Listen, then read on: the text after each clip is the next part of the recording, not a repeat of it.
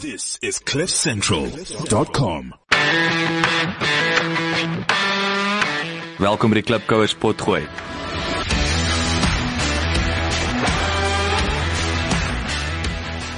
Klipkouers waar ons elke week met Afrikaner entrepreneurs en impakmakers gesels ten einde die beste praktiese besigheids- en lewensadvies met jou te deel.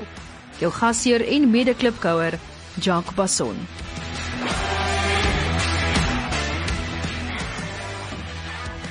Hallo Klipkouer, my naam is Jacques Passon. Ek is die stigter en aanbieder van die Klipkouers potgooi waar ek uh, gereeld met Afrikaanse entrepreneurs en impakmakers gesels om 'n uh, stukkie goud vir jou te ontgin. Baie dankie dat jy spesiaal uh hierdie episode moes uh aflaai um en dat jy wil wees. Dis heerlik om jou hierso te hê. Dis vir my natuurlik baie belangrik as ek uh of ek sê belangrik, dis vir my altyd lekker as ek 'n koneksie het met 'n gas. En ek sê 'n koneksie, ek weet nie of jy al gehoor het van die Kevin Bacon effek. Nou die Kevin Bacon effek is 'n naam ek verbeel my as ek reg onthou ek het die eerste keer daarvan gelees in Mel, een van Malcolm Gladwell se boeke. Doen jouself vergins as jy nog nie sy boeke gelees het nie Tipping Point, Outliers, Blink, uh, David and Goliath. Um hy het ook natuurlik fantastiese pot gooi genaamd Revisionist History. So doen jouself vergins en gaan luister of lees as jy kan. En die Kevin Bacon effek is basies hoeveel handskud is jy van iemand af. Met ander woorde is as as uh jy goeie vriende is met een van my vriende is ek en jy een handskud van mekaar af. Um en op daai stadium is bepaal dat ek dink die gemiddelde ou in Amerika was 6 handskudde weg van Kevin Bacon die Hollywood akteur af. Um so ek probeer altyd kyk hoeveel handskudde ek van iemand af af is. Nou vandag se gas het nie teleurgestel nie. Uh ons het vasgestel dat hy sy um prokureurs articles nadat hy Stellenbosch geswat het in Bloemfontein uh gaan doen het en die regsfirma met wie hy daar gewerk het Nodeus het hy saam met een van my goeie vriende Wikus saam artikels gedoen. So ons was toe een handskud van mekaar af en ons het dit obviously nie geweet nie. Maar nietemin dis vir my baie lekker om te kon gesels het met Omri van Sail wat die ehm um, die hoof is van Agri SA. Ek dink by die mees indrukwekkendste ding van die hele organisasie is is die 28000 boere lidmate. En uh natuurlik het ek vir Omri 'n bietjie meer gevra oor die hele struktuur, hoe maak hulle geld, hoe voeg hulle waarde toe? En natuurlik vir hom gevra ook oor homself. Jy weet wat maak hom tik? Hoe bevind hy homself in hierdie rol? Hoe het hy gekom? Jy vertel die klipkous 'n bietjie meer van jouself? Waar het jy groot geword? Hoe het jy hier gekom? Ja. Wel ek ek het tussen tussen Kimberley basies ons familieplaas was daar so tussen Kimberley en Pretoria groot geword. Waar's Boshoff te loop? Ek het dis naby uh wel dis in die Noord-Kaap dink ek. Maar dis nie daar naby, dis nie naby. Nie ver nie, maar is ook nie naby nie. Dis naby. ja. Ek was nie 'n voortrekker nie om. Nee. so ehm um, die ja, so ek het ek het gematrikuleer in Pretoria en uh toe sê ek daarna army toe. Ek was in die weermag in die Valskerm bataljon in Bloemfontein vir 'n jaar en daarna het ek op Stellenbosch gaan studeer. Ehm um, ek het uh daar gestudeer en uh regtig gestudeer en toe ek klaar is daar as ek vir 2 jaar oor see. Jaar in Londen en 'n jaar in Botswana was ek 'n safari gids. Toe het ek besluit ek wil uh ek met my professionele loopbaan, ek het toe bietjie die wêreld gesien en 'n bietjie ondervinding opgedoen en ook baie hard gewerk en swaar gekry. Ehm um, en uh, ek is toe Bloemfontein toe om te gaan studeer. Ek het my LLB daar gedoen en en terselfdertyd my regsartikels by Nedees gedoen. Ehm um, en uh dis ek toegelaat as 'n prokureur. Maar jy het nie jy het, jy het ekskuus ek van jou rede, jy het ehm um, wat ek ook aflei, jy het lekker die wêreld nou getoer en rondgeneek. Ja. Maar jy het ook jy het nie nonsens gevat jy geswat het nie. Want ek weet nou of jy vra hoe is die sosiale lewe Ja, ja, ja, ja. ja. vergelyking met Ja. met Stellenbosch, maar jy het nie rondgeneek Nee, met, nee, met nee. swatting nie. Kyk, ek dink as jy as jy bietjie internasionaal begin werk en jy kom agter wat die waarde van van geld is en die waarde van eh, sweets is, toe ek terugkom het ek besluit ek gaan nou in, in fact ek moes geleer het hoe om te leer. So ek het boeke gelees van hoe om te studeer, ehm um, hoe om te te spoed lees, hoe om al sulke goeders te doen. Ehm um, en toe ek begin het met my graad, het ek het ek besef dat as ek nie met Meritebeurse gaan ek dit nie ek gaan dit nie kan bekostig nie, mm. nê. En ek het daai tyd ek R2000 'n maand verdien. Yes, dis dan Ehm, uh, geld. En uh die en en so het ek jy weet ek het my graad gekoem, ek het regtig hard gewerk en ek was gefokus geweest want ek het mos nou gesien waaroor die wêreld gaan. So ehm um, en en nou ek meen daar was nog net 'n motto wat ek altyd glo is harde werk is 'n waarborg vir sukses. Ehm um, en en dit is wat ek gedoen het daai tyd. Ja, en dis ek toegelaat selfde tyd as wat ek my graad gekry het. Ehm um, en het ek vir so 'n maand lank as 'n prokureur bietjie gewerk, bietjie hofwerk gedoen en so aan. Ek het net gesien hierdie hierdie is nie vir my nie. Jy weet, ek het 'n uh, ek is bietjie van 'n entrepreneur en ek ek ek wou so my opsies daai tyd was om medies te gaan swat of om 'n advokaat te word of om in besigheid in te gaan en ek het toe die besigheidsroete gevolg. Ek het by Waar Deloitte waar was jy toe op daai stadium? Ek was ehm um, ek het toe by in Pretoria by Deloitte begin werk. Ek het uh, ons het 'n omdraai projek by die by die regshulpraad gedoen. En ek het toe in die wêreld van bestuurskonsultasie, management consulting betrokke geraak. Projekbestuur, projekfinansiering, strategie, operasionele uh, f- uh jy weet soos excellence en uh Deloitte het my toe 'n beurs gegee om my uh, MBA te doen wat ek gedoen het by Tikkies en daar het ek 'n klomp ander goed geleer rondom HR, jy weet, uh, menslike hulpbronne bestuur, uh, strategiese ontwikkeling, tegnologie, innovasie. Ehm um, en en daar dit het my baie gehelp in in in Deloitte en en ek was toe daar in die strategie konsult konsultasie gedeelte. As gevolg van my van my belangstelling in Afrika en die natuur was ek nou al in baie Afrika lande voor dit. Ek en toe ons studente was, het ons 'n Trans-Afrika toer gedoen, Wilgenhof Trans-Afrika toer gedoen.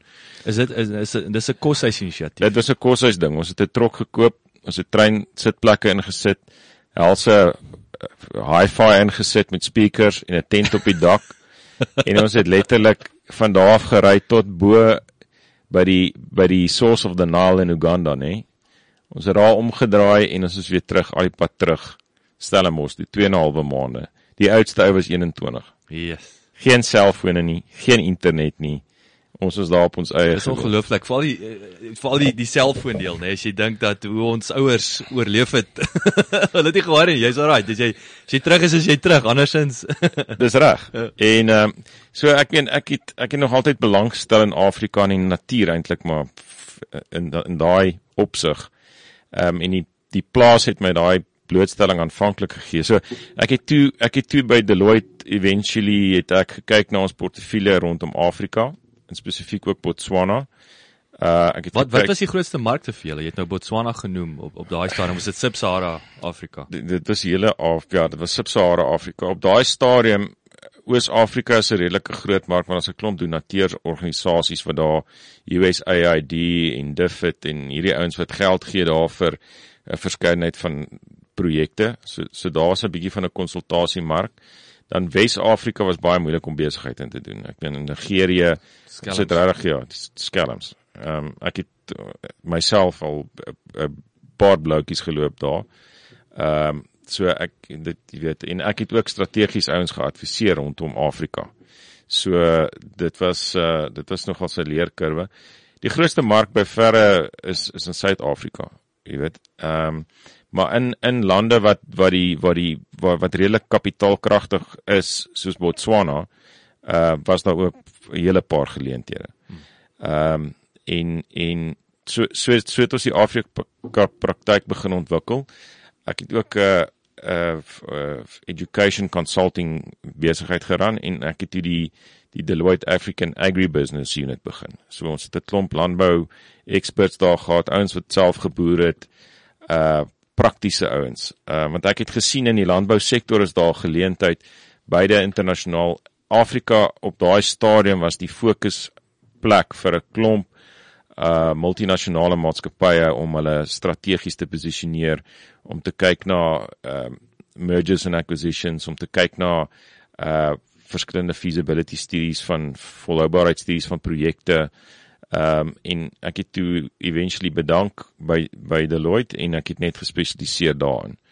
Ehm um, en my kliënte was ek was baie gelukkig. My kliënte was ouens soos Lando Lakes wat een van die grootste koöperatiewe maatskappye in Amerika is. Ons het 'n uh, Afrika strategie gedoen. Ons het 'n uh, villa hierso in Suid-Afrika uh, gekoop. Ons het in in in Kenia het ons Bitco het ons 'n voermeele saam met hulle begin. Ehm um, en dan het ek ook 'n baie groot volhoubaarheidstudie gedoen in Botswana oor uh, die Zambesi uh, waterskema wat hulle daar wou wou doen met 'n klomp Israelies wat hulle daar geadviseer het en ehm um, ek het ouens soos Beyer gehelp met hulle Afrika strategie Syngenta in in ehm um, in Nigerië. Uh ek het studies vir die Wêreldbank gedoen rondom uh die naspeurbaarheid van van diere in Afrika spesifiek uh Botswana en Namibië wat vleis uitvoer na Europa toe. En ehm um, so dit is en dan ook tegnologie in in, landbou het ons na gekyk. Ehm um, So dit was 'n ek het 'n ongelooflike breë blootstelling gekry aan verskeie goeters waar jy gevat het van letterlik van strategie af tot by die die die veranderingsbestuur as jy iets implementeer. Um en die lesse wat wat 'n ou leer in die proses en dan die uitdagings wat jy wat jy van selfsprekend ervaar deur daai hele fase. Maar in in daai danigheid as jy 'n konsultant is, as jy nie jy weet jy jy eet nie altyd die brood wat jy bak nie jy weet. Mm, mm. So so toe ek nou na Agri SA toe is, uh 4 jaar terug, jy weet, toe was dit weer ons het ons het ons 'n hele nuwe strategie bymekaar gesit. Ons het gekyk na die behoeftes van die industrie en daaruit het ons basies jy weet die strategie geformuleer wat ons nou het. Sê vir my die ek wil julle daai tyd en ek wil 'n bietjie nou dieper delf ook in die mm. kommersiële model of die besigheidsmodel van Agri SA. So julle word betaal vir julle tyd in essence. Julle vat nie jy het byvoorbeeld daai voer uh, uh, meele genoem. Dis nie dat julle aandeel in die ding het. Nee. So as glad nie Kyk so by Deloitte uh, ons noem dit jy noem dit times and materials, so jy verkoop jou kennis basies. Yes.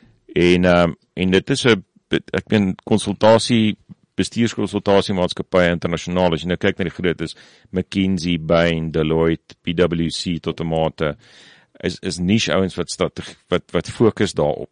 En baie wat wat ek agtergekom het, baie internasionale uh direksies. Jy weet sien maar van Syngenta of van hulle gebruik ouens soos Deloitte en McKinsey om hulle te adviseer om navorsing te doen om jy weet te kyk na verskillende tendense en hoe hoe hulle self moet posisioneer. Ek persoonlik dink in Afrika baie van hulle het het, het groot foute gemaak uh want hulle het ek dink op 'n teoretiese basis na Afrika gekyk hmm. waar as jy as jy op 'n praktiese basis na Afrika kyk dan is dit dis dit iets heeltemal anders. Game. En dis hoe ons onsself geposisioneer het is is dat ons ons is in Afrika. Ons verstaan die uitdagings in Afrika. Ek was al in baie baie Afrika lande. Ehm um, en en jy weet ons het eerstehandse kennis van as Afrikaners onsself mm. en as Afrikaners van hoe om hoe om om te gaan in hierdie omgewing. Ja. En as jy 'n 'n bestuurskonsultant het in New York wat in Harvard geswat het, kan hy so slim wees as wat hy wil. Jy weet, hy verstaan nie hoe jy 'n wiel moet omruil in die Serengeti nie. Jy weet so daai ek dink daai was ons diferensierende uh, die faktor in terme van van bestuurskonsultasiedienste. En en die die ander ding wat ek ook agtergekom het internasionaal is daar is daar baie reg hulle baie waarde aan aan daai tipe van advies. En dit ook die brands nê. Nee. Ek dink die die, die, die ouens hmm. is daai dis, dis vir die multinationals ek wil sê 'n 'n 'n 'n onregverdige voordeel het, maar dis ja. nou ook nê, nee, die men ou gaan hy wil by PwC want hy weet wat PwC of Deloitte doen en dan en dit beteken by default is dit gaan Deloitte ja. Suid-Afrika wees wat wat wat die besigheid kry. Ja.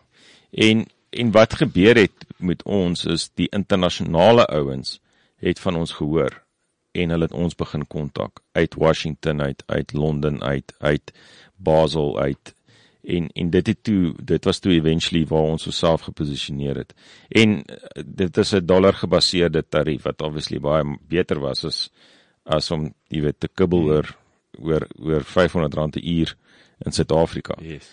Ehm um, en dit was baie winsgewend op daai stadium vir ons gewees om dit te doen. die rede hoekom ek dit ook gedoen het was dit die blootstelling wat dit my gegee het aan die internasionale sienings van Afrika en dan Afrika se sienings van van die internasionale markte en spesifiek landbou sit ons met 65% van die van van die die landbougrond wat oor is is in Afrika. Nee, Suid Suid-Amerika ook tot 'n groot mate, is daar baie uh, wat nog ontwikkel kan word. Uh maar jy weet wat doen ons met daai hulpbron? Jy weet ons ek sê altyd vir mense ons sit met die langste rivier in die wêreld wat die Nyl is en die tweede grootste rivier in volume wat die Kongo rivier is. Pragtig. Uh en da, ek daar is ontsettend hoe hoeveelhede water daar. So uh, jy weet die droom is om geopolities te begin dink oor hoe kan ons die wêreld voed deur deur verder te dink as net klimaatsverandering is 'n realiteit. Ek meen ons sien dit in Suid-Afrika vandat ek begin het het ons droogtes gehad. Ons het soos ons hier sit vandag is ons besig om voer aan te ry uh na die Noord-Kaap toe en die Wes-Kaap toe en dit is dit is dit klimaatsverandering is hier. Maar ons sit met hulpbronne in Afrika wat totaal aan al ontgin onontgin is. Ehm um, en ek was toevallig gister het ek die, die Botswana regering 'n bietjie gaan toespreek oor hulle strategie, landboustrategie. En een ding van Agri SA wat ek wat ek regtig waardeer is as jy as jy uit 'n georganiseerde landbouperspektief uit na 'n land kom wat 'n ongeorganiseerde landbouperspektief het, dan het jy regtig 'n groot probleem. Hmm. Ehm um, so ons is eintlik baie gelukkig in die land om iemand soos Agri SA te hê wat wat wat al hierdie strukture organiseer en ons ons benadering is 'n ware ketting benadering. Die boer op sy eie gaan nie die wolmark in China oopmaak nie. Hmm. Jy weet dit is die ware ketting wat dit moet doen en dis verskillende spelers in die ware ketting. Die boer op sy eie gaan nie onteiening sonder vergoeding stop nie. Hmm. Hy het die hele ware ketting nodig. Want onthou as jy die ware ketting bysit, sit ons met 15 na 20% van die van die BBP van die Suid-Afrikaanse ekonomie. Sure. Ehm um, en die nou, dis 'n groot stem. En dis dis dis 'n groot stem en daai stem is gebou op die familieboer, nê. Hmm. Hy is die beginpunt of sy, die beginpunt van daai hele ware ketting. En ek dink baie keer mense onderskat dat mense gaan na Woolworths toe en hulle koop 'n stukkie vleis. Uh, maar hulle weet nie waar dit vandaan kom regtig nie. So so die, hele ons hele uitgangspunt is eenheid oor landbou dat mense verstaan dat hierdie hele ware ketting eintlik begin by die primêre produsent en dat dit 'n besigheid is. Vir een of ander rede dink mense nie boerdery is 'n besigheid nie, maar dit is 'n dis 'n moeilike besigheid. En die marges is redelik dun en die hele ware ketting, maar dit bly 'n besigheid. En ek dink dis een van die goed wat ons probeer promoveer in Agri SA. Kom ons delf 'n bietjie dieper in die in die besigheidsmodel ja. van Agri SA. Jy het nou uh, gee ons net weer daai jy het nou nou lekker jy het 28000 boere, mm. jy het genoem het 3 kamers. So gee ons 'n ja. snapshot van dit asseblief en dan weet hoe maak julle geld? Ja. So ons het 3 kamers. Toe ons daar aangekom het, het ons hierdie ware ketting benadering. Het, het, ek het ons het baie vinnig gesien. Ons kan nie ons kan nie al die uitdagings wat ons het te bowe kom net net met met jy weet uh ons het die ware ketting nodig. So wat wat ons toe gedoen het is ons het ons het 9 provinsies waar en 26 bedrywe. So jy jy die graanbedryf, die melkbedryf, die wynbedryf. Uh so lid hulle boer wees van 'n 36 uh 26. Ag, 26, o, 26. Dis ja. baie, né? Ja. So lid hulle boer wees 'n 'n 'n 'n boer sal lid wees van Cinema Vrystaat Landbou, maar hy sal ook 'n lid wees van Graan SA en die rooi vleisprodusente. Ehm um, en dan het ons 45 korporatiewe lede wat eintlik met die afnemers is van van van die van die produkte en dan, dan spelers in die wareketting. So jou chemiese maatskappye, jou saadmaatskappye, jou groot retailers soos Woolworths, banke, daai ouens wat almal 'n wesenlike aandeel het in landbou. Ehm um, so, so die, die, die dit was die strategie. die manier hoe ons geld maak is die ouens betaal lede geld En dan het ons ook strategiese projekte wat ons doen. Uh uit die uit die aard van van van die blootstelling wat ons gehad het. Ek daar is nie 'n daar is nie in Afrika iemand wat die wat die pool kennis het as uh, in terme van landbou as, anders as Agri SA nie. By ons het by verre die meeste kennis binne al ons bedrywe. Onthou in die graanbedryf doen hulle navorsing, hulle doen ontwikkeling, hulle doen bemagtiging, hulle doen chemiese ontledings van goed. Hulle doen jy weet dit is so in elke bedryf. So dit Agri SA se groepering verteenwoordig die die die die beste mensekapitaal in terme van van kennis en vaardighede in Afrika by verre. En dit is iets wat ons ook verkoop. So so ons sal strategiese projekte aanpak waar ons byvoorbeeld landbouontwikkeling doen. Uh ons doen opleiding. Ons het nou begin met 'n met 'n Agri MBA, 'n mini MBA saam met die Universiteit van Stellenbosch. Want dit is baie boere, ek kan nie vir 'n jaar lank uh jy weet 'n kursus doen nie. So dis 'n dis so 'n 8 weke crash course top professore, praktiese ouens, ouens soos Johannes Moller wat ons president was, uh Peer Verkuil, ouens wat wat wat groot boere is wat al deur al daai pyne is wat in 'n kort tyd vir ouens baie spesifiek kan help en kan leer. Ehm um, want ons het gesien, weet 'n gewone MBA is nie is nie geteken genoeg vir hierdie nie. So so dis van die tipe van geleenthede wat ons ontgin, daar's 'n groot geleentheid in transformasie. Uh ons is besig met 'n paar transformasieprojekte op die oomblik. Uh 'n groot geleentheid wat ons sien is vir 'n ontwikkelingsfonds. Ons het nie ons ontwikkelingsfonds in Suid-Afrika nie. Want die want die regering subsidieer mos nie nee. nie landbou nie. Hulle doen nie en die, die landbank ook nie. Die landbank gaan leen sy geld op die openbare mark en hy vra jou prima minus 1 as jy lucky is.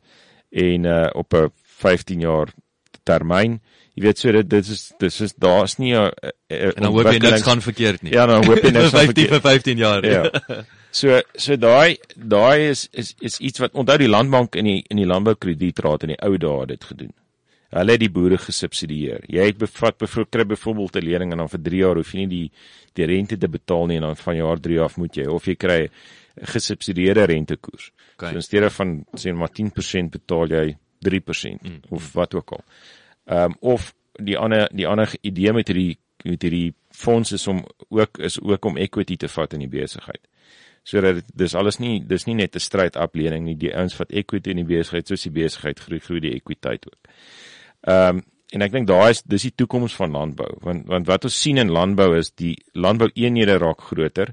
Die ouens moet ekonomie van skaal kry of die ouens moet super spesialiseer in iets soos blou bessies of makadamia neute of so iets. So jy moet ek, dit raak meer ekstensief jy met ekonomie van skaal kry en dis 'n internasionale tendens. Um, en ons sien dit ook in ons sektor. Jy weet ons het nou ons het 60 jaar terug 120 000 boere gehad, kommersiële boere, ons het nou so 34 000. Ehm um, en en so so daai is ook en dan binne in daai hele mix met jy nou tegnologie ook ingooi. Ek bedoel ons is besig met die vierde industriële revolusie. Uh ons het biotech, ons het nanotech, ons het mekanisasie, wat wat jou mind sal blow as jy gaan kyk by Nampo wat se tegnologie daar is beskikbaar is in landbou nou. Ehm um, jy weet ons het robotics. Uh hulle het nou in Japan die eerste plaas wat hulle heeltemal op 'n op, op robotics operate. Ons het vertical farming. Ehm um, so daar's 'n klomp verskillende tendense wat wat wat plaasvind wat wat wat ou mee met tred hou. En ek, ek kan regtig met trots sê uh, Agri SA en ons lede is van die heel beste boere in die wêreld. En ons is ons is early adapters van tegnologie. Ehm um, so so die tegnologie wat hulle gebruik in Amerika of wherever gebruik ons hier. Ehm um, en dis ook omdat ons 'n klomp multinasjonale ouens hier het, nee. Dis interessant. Ek onthou verlede jaar by Nampo uh, was ehm um, in is dit 'n gesprek wat uh, Theo ja, Foster gelei het. Nasie 'n gesprek. Nasie 'n ja. gesprek. Toe ehm um, toe een nou gesê sy sy trekker drywer is is geheadhunt. Hy's basies gesteel deur 'n ander boer. En dit mm. was want dit is om 'n komputer te operate. Dis ja. net 'n die trekker drywer van die van die van die wel van die van die huidige trekker drywers in die toekoms is is is 'n computer operator. Kyk, daar daar's 'n trekker wat nie 'n drywer nodig het nie, nê. Jy jy programmeer die GPS, GPS ding is daar in daai ding. Ongelooflik jy sit die grondontledings in. Jy hy jy weet op baie plekke moet hy meer kuns moet studie en op ander plekke minder. Daai ding is daai ding jy weet dran homself. Ongelooflik. Omrie ek weet jy's 'n besige man. Verskriklik dankie vir jou tyd. Ek ek kan sien hierso en as jy as jy my sal toelaat ons ek dink ons moet 'n tweede onderhoud. Ek sal sommer daar na jou toe kom volgende keer want ek wil ek wil baie graag dieper delf in die besigheid van plaas.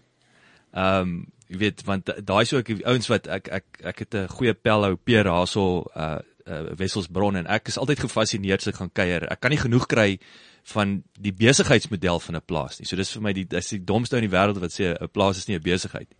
Maar ek sal baie graag wil dieper delf oor weer die plaas. Wat 'n interessante plaas en ouens lede wat julle mee mee deel. Maar verskriklik dankie vir jou tyd. Dit was 'n baie baie interessante gesprek.